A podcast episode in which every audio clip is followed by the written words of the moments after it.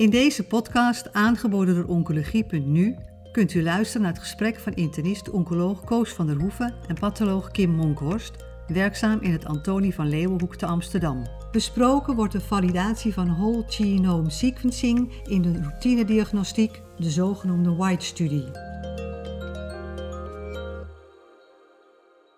Ik ga spreken met dokter Kim Monkhorst, een patholoog en waarnemend hoofd van de afdeling pathologie in het Nederlands Kankerinstituut, het Antonie van Leeuwenhoekhuis. En ik ga met hem praten over de voordracht die hij heeft gehouden bij de ESMO. En die gaat over de validation of whole genome sequencing in routine clinical practice. Kim, welkom. Uh, van waar deze studie? Uh, van waar deze studie? Ja, dit is. Uh, dus whole genome sequencing wordt al een tijd gebruikt uh, in de research setting. En wij als diagnosten vinden dit ook eigenlijk een heel interessant concept, omdat je natuurlijk in één keer het hele genoom sequenced. Uh, je moet weten dat uh, um, er steeds meer medicatie komt, die steeds meer gekoppeld is ook aan, biomarkers. En ook in de, in de studies, die, die natuurlijk die heel veel voorkomen in het Antonie van Leeuwenhoek ziekenhuis.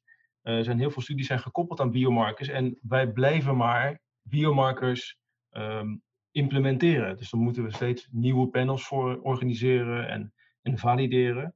En een heel interessant uh, voordeel van whole genome sequencing is dat je, omdat je alles meet, eigenlijk niks meer hoeft te valideren. Dus dat is een enorm voordeel van uh, whole genome sequencing. En, en een ander voorbeeld, uh, voordeel is dat je tumor onafhankelijk kijkt naar targets. Hè. Dus normaal doen we afhankelijk van de diagnose kijken we naar bepaalde targets die je kan gebruiken voor, voor therapeutische opties. En nu hoef je eigenlijk niet meer na te denken. Dan kan je direct alle targets bepalen van één bepaald soort tumor. Dus toen de optie kwam om deze studie, uh, om deze studie met HMF uh, op te zetten, toen waren wij heel erg geïnteresseerd, omdat we hier denken wij een enorme stap vooruit kunnen zetten in, uh, in het diagnostische landschap. De studie die heet de White Study. Waar staat de White voor? Ja, dus dat staat voor Whole Genome Sequencing Implementation in Standard of Care Diagnostics for Every Patient. Dus wat we ermee willen aantonen is dat het haalbaar is en uh, voor eigenlijk de routine-diagnostiek voor alle patiënten in ons ziekenhuis. Bij de presentatie die je gegeven hebt gaat het over een interimanalyse van de eerste 800 van de totaal 1200 patiënten die in de studie zullen worden opgenomen. Wat was de opzet precies van de studie? Dus op het moment dat je zo'n uh, nieuwe techniek introduceert in, een, in het klinische landschap, in de routine diagnostiek, wil je eigenlijk een paar dingen weten. En het eerste is, is het wel haalbaar?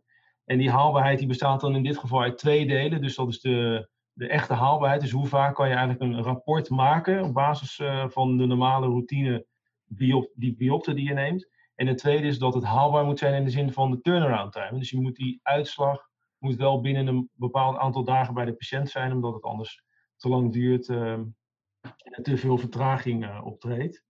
En een ander deel wat je ook altijd moet testen is uh, of, de, of de techniek valide is op klinische samples.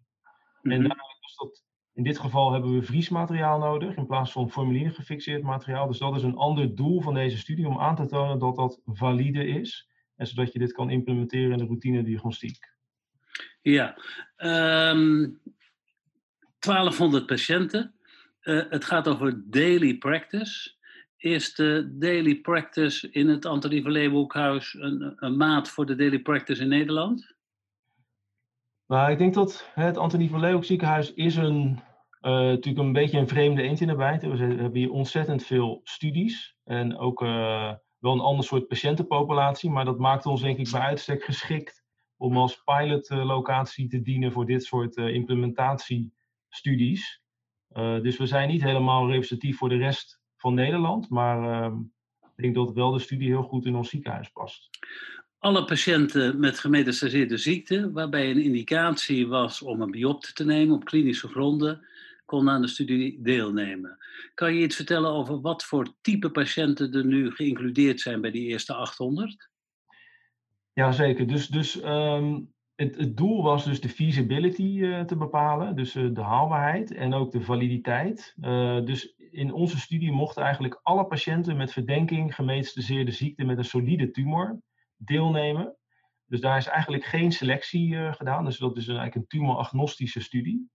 Um, en daarbij heeft ongeveer de helft van de patiënten heeft ook standaard moleculaire diagnostiek. En die targets die we daarbij vinden in onze routine diagnostiek, die kunnen we weer gebruiken als validatie voor de whole genome sequencing. Ja, maar met de, de type patiënten, daarmee bedoel ik wat voor kankersoort hadden de patiënten? Was dat... Oh, ja, dus dat maakt eigenlijk niet uit. Dat konden eigenlijk alle kankersoorten zijn, uh, op alle locaties. Dus um, Oké. iedereen, dus, maar in ieder geval geen uh, hematologische maligniteiten. Het moesten wel solide tumoren zijn. Oké. Kan je iets vertellen over de resultaten van de eerste 800 patiënten?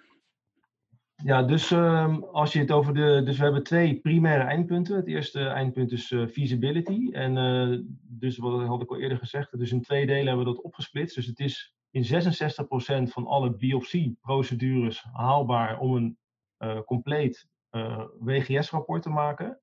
En omdat het soms misgaat doordat allerlei logistieke redenen, dat gebeurt ook in de, in de standard of care, in de routine diagnostiek, worden soms biopten herhaald. Dus dat vertaalt zich naar 71% haalbaarheid op patiëntniveau. Dus als een behandelend arts een, een genome sequencing aanvraagt, dan krijgt hij in 71% een whole sequencing rapport terug. Uh, een ander eindpunt was de haalbaarheid dus in, in dagen in turnaround time. Dat is nu ongeveer tussen de 10 en 12 werkdagen, waarbij we onszelf als, uh, als limiet 12 dagen hadden gesteld. Dus dat is ook heel goed gelukt. Dus daar zitten we nu onder, dus daar zijn we heel blij mee.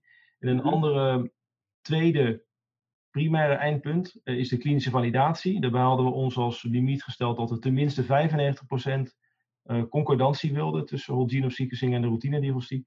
En daarbij zitten we nu op 96,1% totale concordantie tussen WGS en uh, standard of care.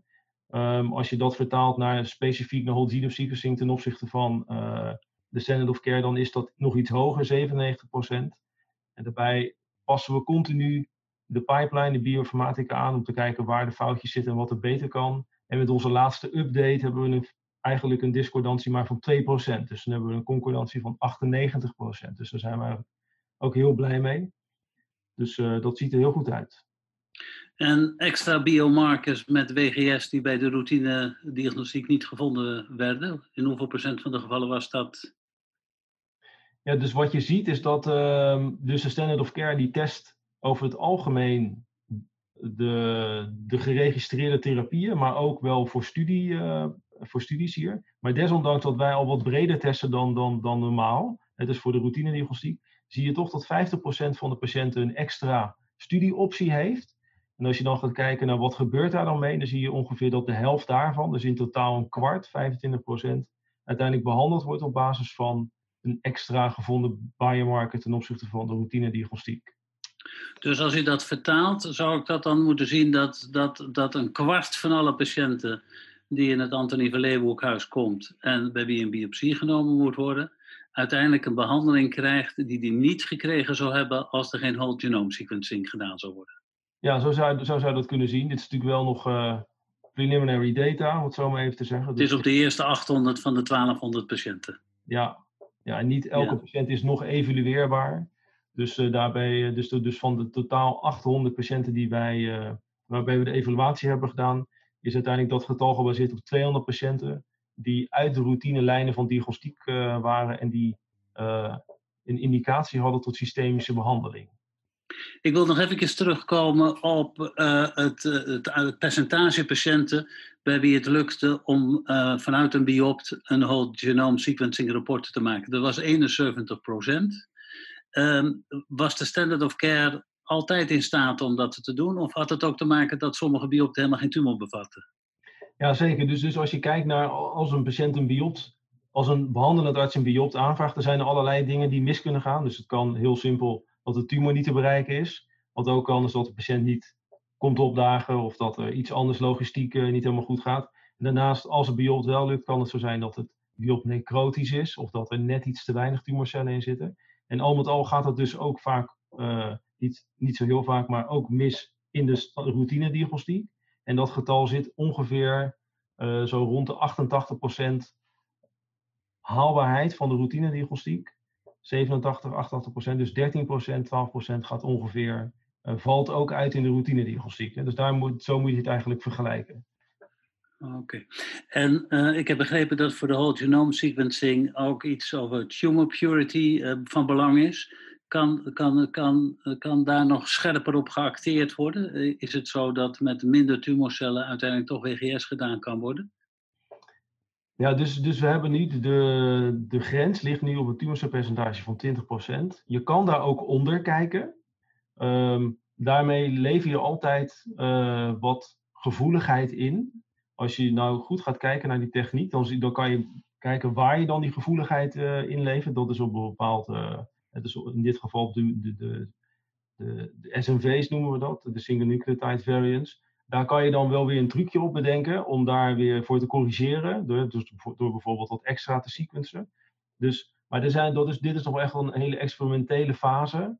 Um, ik denk dat je nu klinisch uh, vanuit moet gaan dat de 20% de ondergrens is. En dat er tussen de 10 en de 20 procent dat, dat er hele goede resultaten uitkomen, maar dat er dat nog, niet helemaal klaar is voor. Voor dat komt misschien in de toekomst.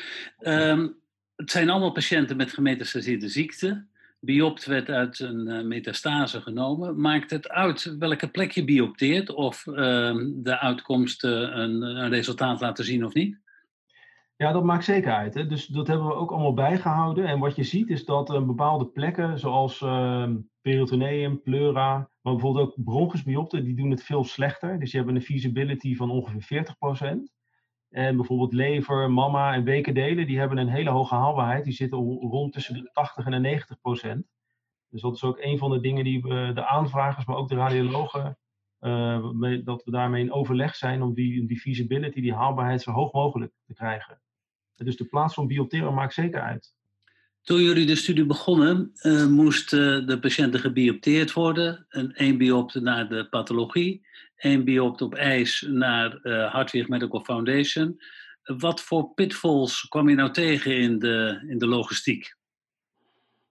Um, nou, dus, um, de, dus eigenlijk is dat in de hele procesketen, vanaf de aanvrager tot helemaal aan het, uh, dat het biopt wordt opgestuurd naar, naar uh, HMF. Dat bestaat uit verschillende delen. Dus een van de eerste pitfalls is dat die dokter zich, de behandelende arts, die moet zich gewoon realiseren wanneer, op welke lezing moet ik nou een biopt aanvragen. Dan op het moment dat dat uh, biopt wordt afgenomen, moet de radioloog ook voldoende weefsel afnemen. Dus de dikte van het naaldbiopt is belangrijk, maar ook de hoeveelheid van biopten. En dus de feasibility is, is recht evenredig gerelateerd aan de hoeveelheid weefsel die je binnenkrijgt. Uh, dus wij hebben hier in het Antonie de afspraak dat de radioloog altijd vier biopten afneemt voor de routinediagnostiek. Dan uh, komt dat biopt, dat komt bij ons op de afdeling en dan moet je de routine diagnostiek, die moet je eigenlijk aanpassen, die eigenlijk gemaakt is op formaline, uh, op vriesmateriaal. En dat is eigenlijk heel goed te doen. Uh, dat, dat, dat leek ons best ingewikkeld, maar dat is eigenlijk vrij snel geïmplementeerd.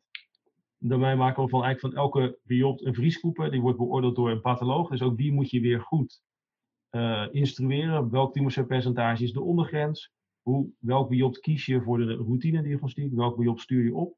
En als je dat allemaal inricht, dan, wat eigenlijk niet zo heel veel werk is, dan is dit heel goed haalbaar om uh, in je routinediagnostiek te implementeren. Hebben de patiënten er moeite mee of doen de patiënten graag mee? De patiënten doen heel graag mee. Ja. Okay. Uh, de studie die is, uh, wordt gefinancierd door ZonMW, wordt uitgevoerd door het Nederlands Kankerinstituut en Hartwig Medical Foundation. Is, zijn de kosten, zijn die ook onderdeel van deze studie? Uh, nou, deze studie, um, dus de Hartwig Medical Foundation, die verzorgt de sequencing. verder wordt de studie gefund door ZonMW, door een grant van ZonMW. Dus um, op dit moment hoeven wij nog niet te betalen vanuit de, de zorg voor, uh, voor de Nee, maar de bedoeling van mijn vraag is: wordt vergeleken wat de kosten zijn van het WGS-traject in vergelijking met het traject wat volgens de gewone standaard gedaan zou worden? Jazeker. Nee, dat, uh, sorry, nee. Dus um, um, wat, een van de sec secundaire eindpunten is uh, de Health Technology Assessment. Dus daarbij gaan we heel goed kijken naar wat gebeurt er precies met de patiënt in de routinediagnostiek. Hè, dus ze kunnen herhaalde, vaak worden de biopten herhaald omdat het weefsel op is. Er worden sequentiële analyses gedaan. Um, en, en, en, dat wordt helemaal vergeleken met whole genome sequencing. En dan, dan kan je het heel mooi vergelijken in zo'n model. wat, wat de kosten en de baten zijn van dit soort nieuwe technieken. Ja, en, maar daar is nog niet iets over te zeggen. Die, die gegevens zijn er nog niet. Nee, ik heb, we hebben daar nu nog geen gegevens van. Nee. Ah, oké. Hoeveel patiënten zitten er inmiddels in de studie? De analyse ging over 800 van de 1200, maar hoe ver zijn jullie? Ja, het gaat hard. We zitten inmiddels, uh, vanochtend zaten we op 1039 patiënten. Dus uh, we gaan uh, snel naar de eindstreep toe. We denken dat we ergens in december de laatste patiënt zullen includeren. Als jij in een paar zinnen zou mogen zeggen wat je conclusie is, aannemende dat die 400 extra patiënten geen verandering meer teweeg brengen, wat zou je dan zeggen? Nou, ik durf wel te zeggen dat, dat deze studie heeft aangetoond dat whole genome sequencing klinisch valide is. Eh, dat het haalbaar is in de praktijk. Uh, dus eigenlijk helemaal in het kort dat het klaar is voor implementatie in de routinediagnostiek. dus mijn collega's, de behandelende artsen, hebben allemaal vertrouwen in, in deze techniek en, en het is haalbaar. Oké. Hebben jullie al besloten hoe het nou verder gaat als de studie klaar is? Nou, we hebben wel een plan. dus we hopen dat we whole genome sequencing hier gaan implementeren. Eh, direct na de studie. Dus dan zijn we nu zijn we dat allemaal aan het organiseren. Dus ik hoop dat het gaat lukken. Je hebt de, de presentatie via de Zoom moeten doen. Vond je het jammer dat je niet in een grote zaal in Madrid kon staan? Ja, dat is volk wel jammer, ja. ja. Ik had natuurlijk altijd, als ik dan ooit eens op ESMO zou komen, dan ja, dat is weer jammer dat dat niet... dus nu zit je dan in je eentje op, een, op je thuis met iemand van, die, van de ideeën ergens in Nederland was het wel. Ja. dat was een beetje raar. Nou, maar misschien dat je die kans nog een keer krijgt als je de volledige analyse kan doen. Heb je nog dingen die je kwijt wil over deze studie, die niet aan bod geweest zijn? Um, nou, wat ik misschien nog wil zeggen is dat uh, de genome sequencing is, biedt zoveel extra's naast wat je verwacht. Hè? Dus, dus de normale therapeutische opties, dat is natuurlijk heel, eigenlijk heel obvious, heel duidelijk.